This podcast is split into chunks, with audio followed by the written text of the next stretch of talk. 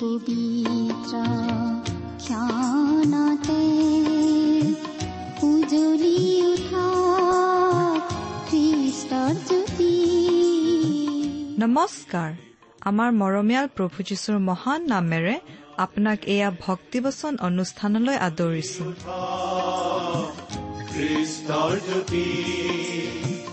আকাশ বতাহ মুখৰিত কৰি গাঁও সবে মিলি প্ৰশংসা গীতি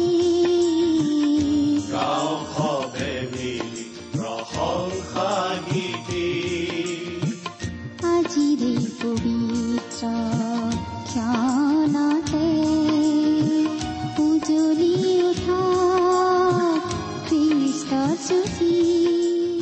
ঈশ্বৰে আপোনাক যি অসীম প্ৰেম কৰিলে তাক যদি অনুভৱ কৰিব বিচাৰে আৰু তেওঁৰ অগম্য বাক্যৰ মৌ মিঠা সোৱাদ ল'ব বিচাৰে তেন্তে আহক আজিৰ ভক্তিবচন অনুষ্ঠানটো মনোযোগেৰে শুনো। এয়া আপোনালৈ আগবঢ়াইছো। ঈশ্বৰৰ জীৱন্ত বাক্যৰ অনুষ্ঠান ভক্তিবচন।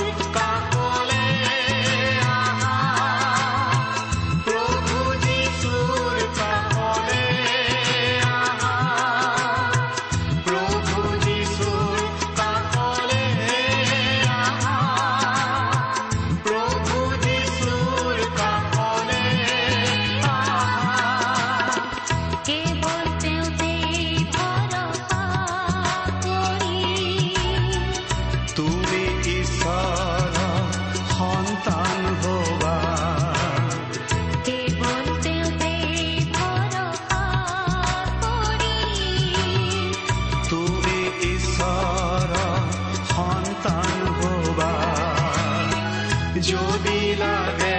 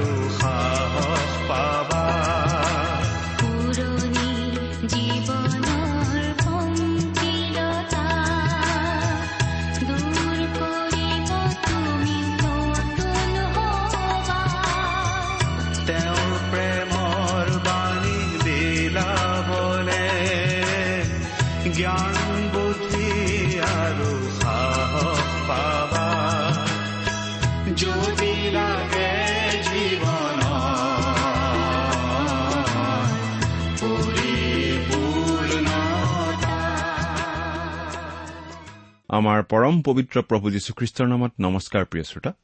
আশা কৰো মহান পিতা পৰমেশ্বৰৰ মহান অনুগ্ৰহত আপুনি ভালে কুশলে আছে।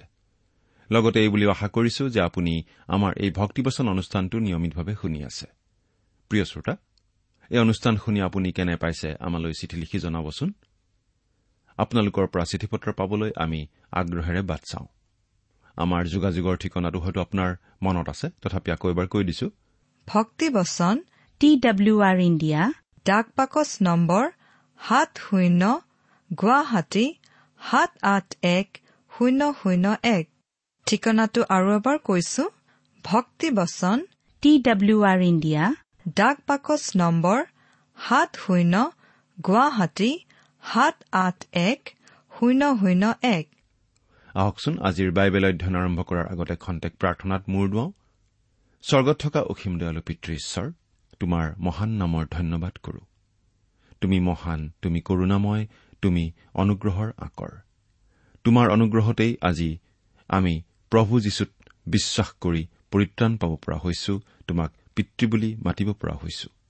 তুমি আমালৈ যিমান অনুগ্ৰহ দেখুৱাইছা তাৰ বাবে তোমাক ধন্যবাদ দি আমি শেষ কৰিব নোৱাৰো। এতিয়া প্ৰাৰ্থনা কৰিছো তোমাৰ মহান বাক্য বাইবেল শাস্ত্ৰৰ যোগেৰে তুমি আমাক কথা কোৱা। তোমাৰ মাত আমাক শুনিবলৈ দিয়া। কিয়নো এই প্ৰাৰ্থনা আমাৰ মহান ত্ৰাণকৰ্তা প্ৰভু যীশুখ্ৰীষ্টৰ নামত আগবঢ়াইছো।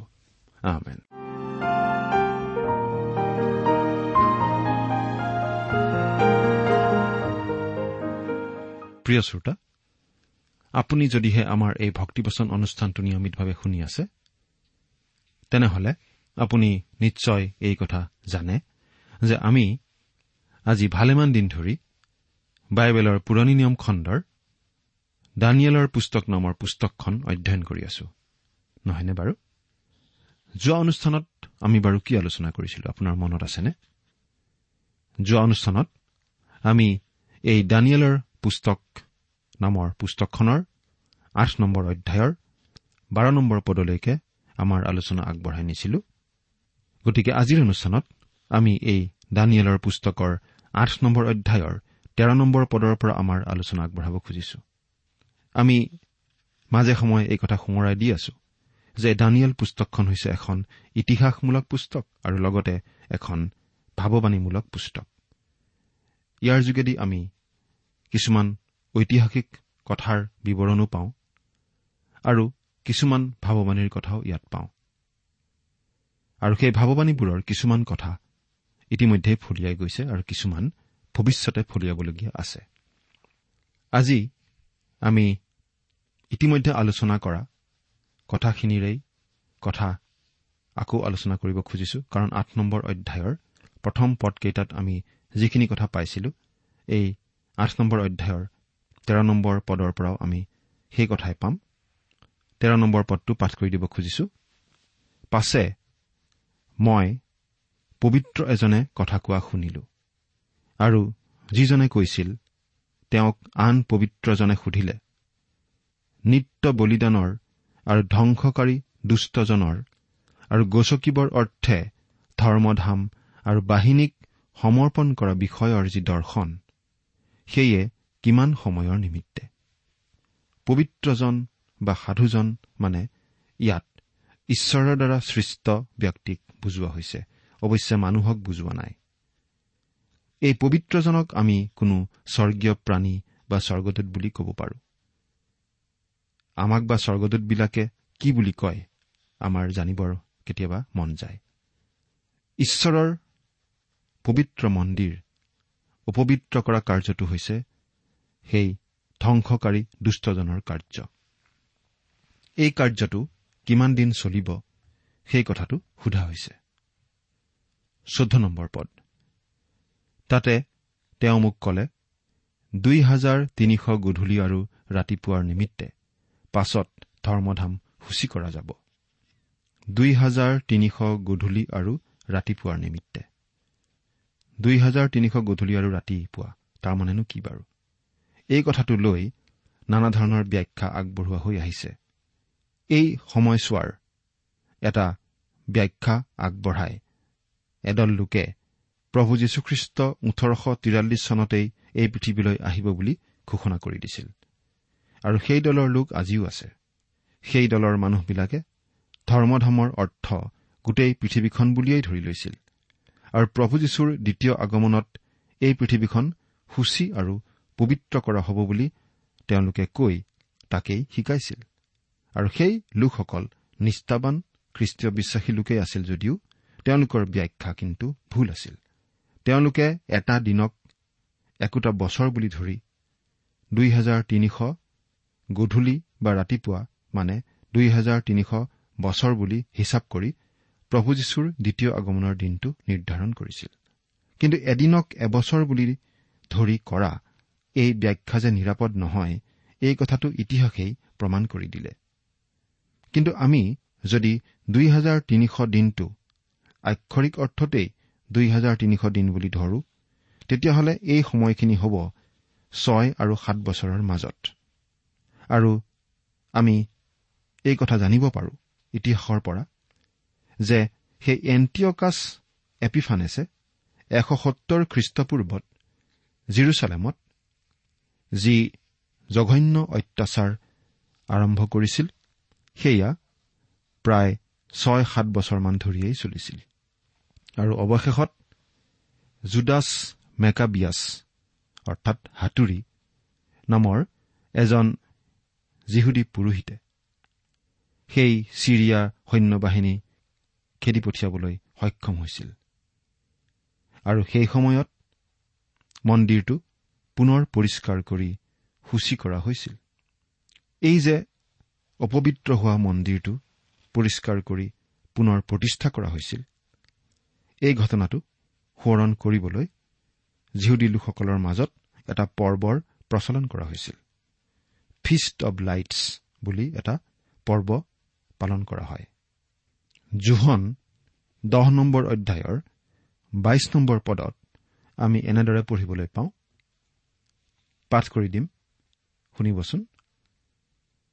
পাছে জিৰচালেমত মন্দিৰ প্ৰতিষ্ঠাৰ পৰ্ব উপস্থিত হ'ল। এই মন্দিৰ প্ৰতিষ্ঠাৰ পৰ্ব মানে কি? এই ফিষ্ট অব লাইটছ বুলি যে ইংৰাজীত আমি পাওঁ এইটোৱে হৈছে মন্দিৰ প্ৰতিষ্ঠাৰ পৰ্ব। অৰ্থাৎ প্ৰভু যীশুৰ সময়তো এই পৰ্বটো পালন কৰা হৈছিল। আৰু এই বিশেষ কথাটো যিহুদী লোকসকলে আজিও সোঁৱৰণ কৰে। এই পৰ্বটোৰ কথা কিন্তু পুৰণি নিয়মত একেবাৰে উল্লেখ কৰা হোৱা নাই। পুৰণি নিয়মৰ ক'তো আমি এই পৰ্বটোৰ কথা নাপাওঁ। কিয় বাৰু? কাৰণ এই পৰ্বটোৰ আৰম্ভণি হৈছিল পুৰণি নিয়ম আৰু নতুন নিয়মৰ মাজৰ সময়খিনিতহে। কাৰণ সেইখিনি সময়তহে জিৰচালেমৰ মন্দিৰত এনেদৰে অপবিত্ৰ কৰিছিল আৰু সেইখিনি সময়ৰ ভিতৰতে জিৰচালেমৰ মন্দিৰ অপবিত্ৰ কৰা সেই লোকসকলক সেই সৈন্যসকলক খেদি পঠিওৱা হৈছিল আৰু মন্দিৰ পৰিষ্কাৰ কৰা কামটো সেই সময়তে হৈছিল। তেতিয়াৰ পৰাই এই বিশেষ পৰ্বটো তেওঁলোকে পালন কৰিবলৈ ধৰিছিল। পোন্ধৰ আৰু ষোল্ল নম্বৰ পদ। মই মই দানিয়েলেই এই দৰ্শন পাই তাক বুজিবৰ নিমিত্তে চেষ্টা কৰিলো। তাতে পুৰুষৰ আকৃতিৰে এজন লোক মোৰ সন্মুখত থিয় হলহি। পাছে উলয় নদীৰ মাজৰ পৰা মই এজন মানুহৰ মাত শুনিলো। তেওঁ ৰিঙিয়াই কলে হে গাব্ৰিয়েল সেই মানুহজনক দৰ্শনটোৰ অৰ্থ বুজাই দিয়া। এই দৰ্শনটোৰ অৰ্থ কি? তাকে ভাবি দানিয়েল বিমূৰত পৰিছিল। দৰ্শনটোৰ অৰ্থ কি তেওঁ জানিব বিচাৰিছিল। আৰু তেওঁৰ আগত স্বৰ্গদূত গাব্ৰিয়েলৰ আৱিৰ্ভাৱ ঘটিছিল। মন কৰিবলগীয়া কথা যে বাইবেলত এয়েই প্ৰথম গাব্ৰিয়েলৰ পৰিচয় আমাৰ আগত দিয়া হৈছে। সোতৰ নম্বৰ পদটো চাবচোন। ইয়াত লিখা আছে তাতে মই যি ঠাইত থিয় হৈ আছিলো তেওঁ তালৈকে আহিল। পাছে তেওঁ আহিলত মই ভয় পাই উবুৰি হৈ পৰিলো। তেওঁ মোক কলে হে মনুষ্য সন্তান বুজি লোৱা কিয়নো এই দৰ্শন শেষকাল বিষয়ক। শেষকাল বিষয়ক। গাব্ৰিয়েলে দানিয়েলক এই দৰ্শনটোৰ অৰ্থ ব্যাখ্যা কৰি দিয়া আমি এই পাইছো। আৰু এই কথাটো অতি পৰিষ্কাৰ হৈ পৰিব যে জিৰচালেমত অত্যাচাৰ চলোৱা এণ্টিঅকাছ এপিফানেছ আচলতে ভৱিষ্যতে আহিবলগীয়া খ্ৰীষ্টাৰীৰ এটা সৰু প্ৰতিষে মাত্ৰ। আহিবলগীয়া খ্ৰীষ্টাৰীয়ে তাতকৈ বহু বেছি জঘন্য কাম কৰিব।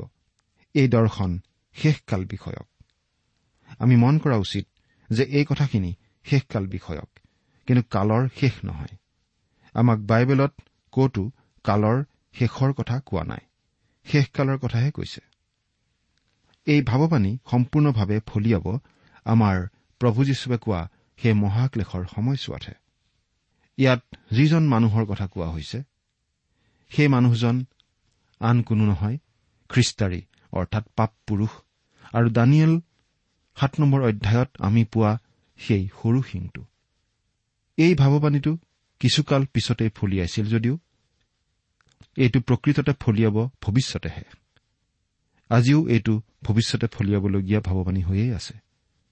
এণ্টিঅকাছ ভৱিষ্যতে আহিবলগীয়া সেই খ্ৰীষ্টাৰীৰ এটা আগতীয়া ৰূপহে আছিল। অৰ্থাৎ এটা নমুনাৰ নিচিনা আছিল। আৰু সেই খ্ৰীষ্টাৰী আহিব জাতিবিলাকৰ সময় বা কালৰ সামৰণিৰ সময়তহে।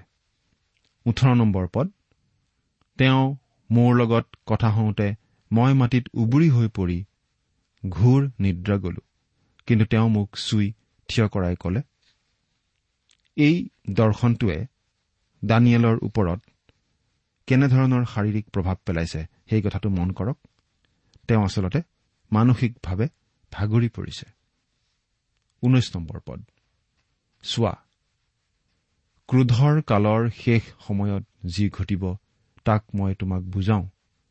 কিয়নো এয়ে নিৰূপিত শেষকালৰ কথা। গাব্ৰিয়েলে আকৌ এণ্টিয়কাছৰ জৰিয়তে সেই ভাৱবাণী ফলিওৱা কথাটোৰ পৰা সুদূৰ ভৱিষ্যতলৈ আঙুলিয়াই দিছে। পৰজাতীয় লোকৰ কালৰ শেষৰ সেই সময়লৈ। মহাক্লেশৰ সেই সময়ছোৱাৰ শেষ সময়লৈ। বিশ নম্বৰ পদ দুটা শিং থকা যি ভেড়া তুমি দেখিছিলা সি মাদিয়া আৰু পাৰস্যৰ ৰজা দুজনক বুজায়।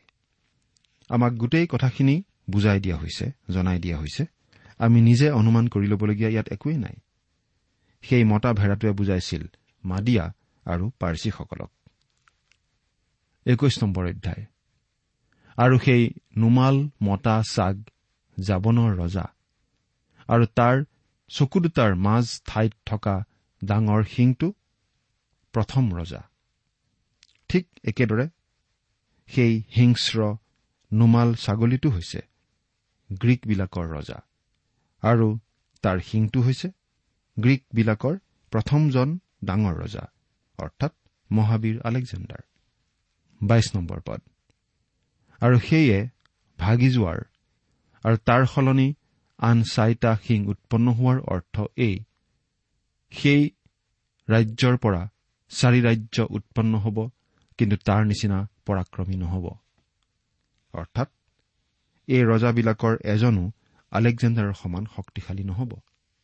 আৰু সঁচাকৈয়ে এই কথাটো আমি বুজি পাইছো। তেইছ নম্বৰ পদ। তেওঁবিলাকৰ শেষ সময়ত অধৰ্মীবোৰৰ অধৰ্ম পূৰ হলে ভয়ানক চেহেৰা থকা আৰু প্ৰবঞ্চনাৰ কথাত নিপুণ ৰজা এজন উৎপন্ন হ'ব।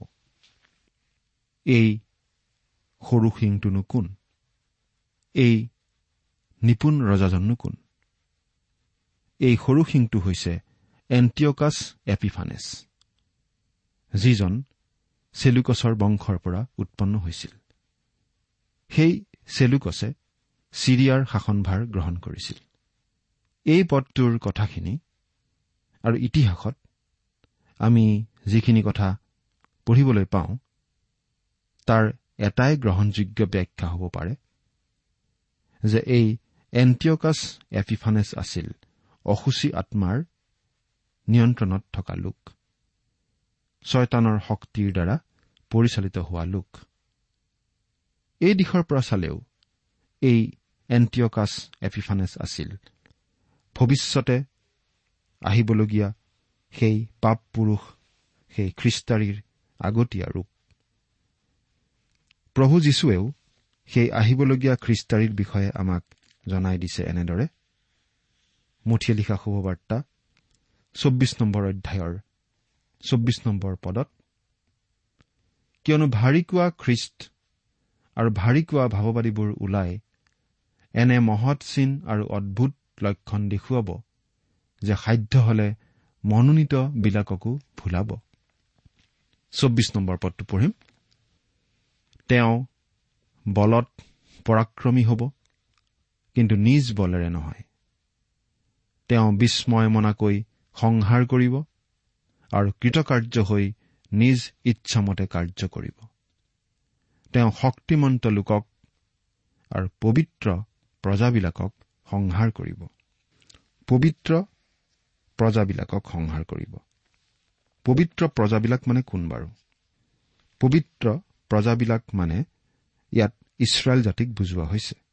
এই এণ্টিঅকাছ এপিফানেছে ইছৰাইল জাতিৰ লোকসকলক কুকুৰ মেকুৰীৰ নিচিনাকৈ যিদৰে বধ কৰিছিল সেইটো শুনিলে আমাৰ আজি বিশ্বাস কৰিবলৈকে টান লাগিব। তেওঁ যোৱা শতিকাত ইউৰোপত যিহুদী লোকক বধ কৰা সেই কুখ্যাত লোকসকলৰ নিচিনাই জঘন্য কাম কৰিছিল। কিন্তু তেওঁ ভৱিষ্যতে আহিবলগীয়া খ্ৰীষ্টাৰীৰ এটা আগতীয়া নমুনা মাত্ৰ। সেই খ্ৰীষ্টাৰী আৰু ভয়ংকৰ হ'ব। সেই খ্ৰীষ্টাৰীৰ বিষয়ে আমি প্ৰকাশিত বাক্য পুস্তকখনত যথেষ্টখিনি কথা পঢ়িবলৈ পাওঁ। আমি এটা পদ পঢ়ি দিব খুজিছো। প্ৰকাশিত বাক্য তেৰ নম্বৰ অধ্যায় সাত নম্বৰ পদ।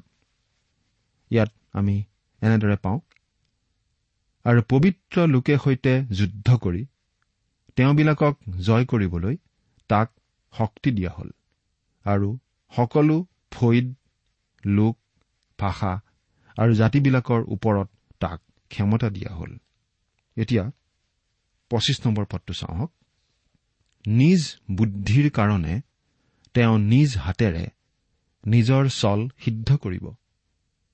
নিজৰ মনত নিজকে মহান কৰিব আৰু নিশ্চিন্তে থকা সময়ত অনেকক সংহাৰ কৰিব। তেওঁ অধিপতিবিলাকৰ অধিপতিৰো বিৰুদ্ধে থিয় হ'ব কিন্তু বিনা হাতে ভগ্ন হ'ব। এই ভৱিষ্যতে আহিবলগীয়া ৰজা অৰ্থাৎ খ্ৰীষ্টাৰীৰ এখন ক্ষীণ আৰু অস্পষ্ট ছবিহে আচলতে এণ্টিঅকাছ এপিফানেছে দাঙি ধৰিছিল। সেই ভৱিষ্যতে আহিবলগীয়া খ্ৰীষ্টাৰীয়ে বিশেষকৈ চাৰিটা কাম কৰিব। আৰু সেইকেইটা কাম অতি সাধাৰণভাৱে এপিফানেছেও কৰিছিল সেই আহিবলগীয়া খ্ৰীষ্টাৰীৰ তুলনাত। সেই খ্ৰীষ্টাৰীয়ে কি কি কাম কৰিব আমি এফালৰ পৰা চাই যাওঁ। প্ৰথমতে আমি দেখা পাওঁ যে তেওঁ নিজ বুদ্ধিৰ কাৰণে নিজ হাতেৰে নিজৰ চল সিদ্ধ কৰিব।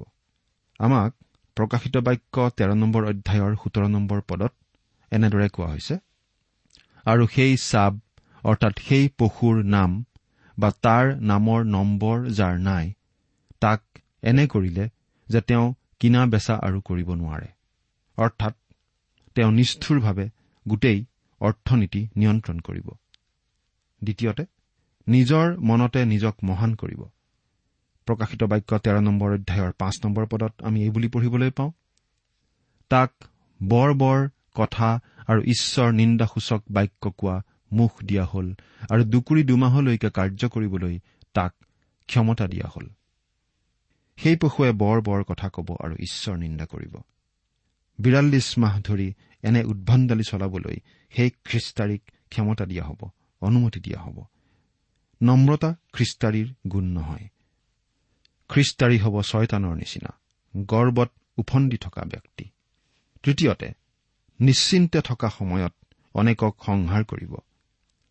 সেই খ্ৰীষ্টাৰী আহিব এটা নিমাশীত ভেড়াৰ ৰূপত কিন্তু কাম কৰিব সিংহৰ নিচিনাকৈ। প্ৰকাশিত বাক্যৰ ছয় নম্বৰ অধ্যায়ত আমি যি বগা ঘোঁৰাত উঠি অহা ব্যক্তিজনৰ কথা পাওঁ খ্ৰীষ্টাৰীয়েই হ'ব সেই ব্যক্তি। তাৰ পাছতেই আহিব ৰঙা ঘোঁৰাত উঠি অহা ব্যক্তি অৰ্থাৎ যুদ্ধ।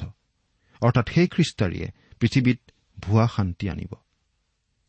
চতুৰ্থতে তেওঁ অধিপতিৰো অধিপতিৰ বিৰুদ্ধে থিয় হ'ব। অৰ্থাৎ সেই খ্ৰীষ্টাৰীয়ে খ্ৰীষ্টৰ বিৰোধিতা কৰিব আৰু খ্ৰীষ্টৰ বিৰুদ্ধে যুদ্ধ কৰিব। প্ৰকাশিত বাক্য তেৰ নম্বৰ অধ্যায়ত পোৱা প্ৰথমটো পশু আৰু খ্ৰীষ্টাৰীৰ এটা বিশেষ বৈশিষ্ট্য এয়ে হ'ব যে সেই ব্যক্তিয়েই খ্ৰীষ্টৰ বিৰোধী হ'ব। ছাব্বিছ নম্বৰ পদ। গধূলি আৰু ৰাতিপুৱা বিষয়ক যি দৰ্শনৰ কথা কোৱা গ'ল সেয়ে সঁচা। কিন্তু তুমি এই দৰ্শন চাব মাৰি বন্ধ কৰা কিয়নো এয়ে অনেক দিনৰ মূৰত ঘটিব লগা কথা। দানিয়েলক এই বুলি জনাই দিয়া হ'ল যে এই দৰ্শনটোৰ যোগেদি যিখিনি ভৱিষ্যৎবাণী তেওঁক জনাই দিয়া হৈছে সেয়া সুদূৰ ভৱিষ্যতৰ বাবেহে। এয়ে অনেক দিনৰ মূৰত ঘটিব লগা ঘটনা। এতিয়া আমি সাতাইছ নম্বৰ পদ অৰ্থাৎ এই আঠ নম্বৰ অধ্যায়ৰ শেষৰ পদটো পাঠ কৰি দিছো। পাছে মই দানিয়েলে মূৰ্ছিত হৈ কিছুদিনলৈ নৰিয়া পৰি আছিলো। তাৰ পাছত উঠি ৰজাৰ কাম কৰিলো। সেই দৰ্শনৰ কথাত মই বিস্ময় মানিলো। কিন্তু কোনেও তাক নুবুজিলে। এই দৰ্শনটোৱে দানিয়েলৰ শৰীৰ আৰু মন দুয়োৰে ওপৰত অতি গুৰুতৰভাৱে প্ৰভাৱ পেলালে। এই সময়ত ঈশ্বৰে ইছৰাইল জাতিৰ ইতিহাসত পৰজাতীয় লোকৰ কালৰ কথা মিহলি কৰি দিব ধৰিছিল আৰু এই কথাটোৱেই প্ৰথমতে দানিয়েলৰ মনত খেলিমেলিৰ সৃষ্টি কৰিছিল। আৰু বহুতো মানুহক আজিও খেলিমেলিত পেলায়।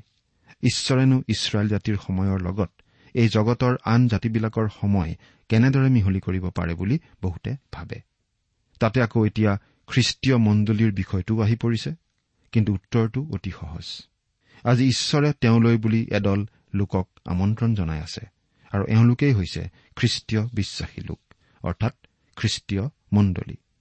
ঈশ্বৰে এনেদৰে আমন্ত্ৰণ কৰি থকা কামটো যেতিয়া শেষ হ'ব আৰু যেতিয়া এই পৃথিৱীৰ পৰা এই খ্ৰীষ্টীয় মণ্ডলীক উঠাই লৈ যোৱা হ'ব তেতিয়া আকৌ ঈশ্বৰে পৰজাতীয় লোকৰ সৈতে আৰু ইছৰাইল জাতিৰ সৈতে থকা তেওঁৰ কাৰ্যক্ৰমত মন দিব। প্ৰিয় শ্ৰোতা আপুনি বাৰু ঈশ্বৰৰ সেই পৰিকল্পনা সেই আঁচনিৰ কথা বুজি নিজৰ জীৱনৰ আঁচনি সেই আঁচনিৰ সৈতে মিলাবলৈ সিদ্ধান্ত গ্ৰহণ কৰিছেনে? প্ৰভু যীশুক আপোনাৰ জীৱনৰ ত্ৰাণকৰ্তা আৰু প্ৰভু বুলি গ্ৰহণ কৰিছেনে? চিন্তা কৰি চাওকচোন। ঈশ্বৰে আপোনাক আশীৰ্বাদ কৰক। জীৱনৰ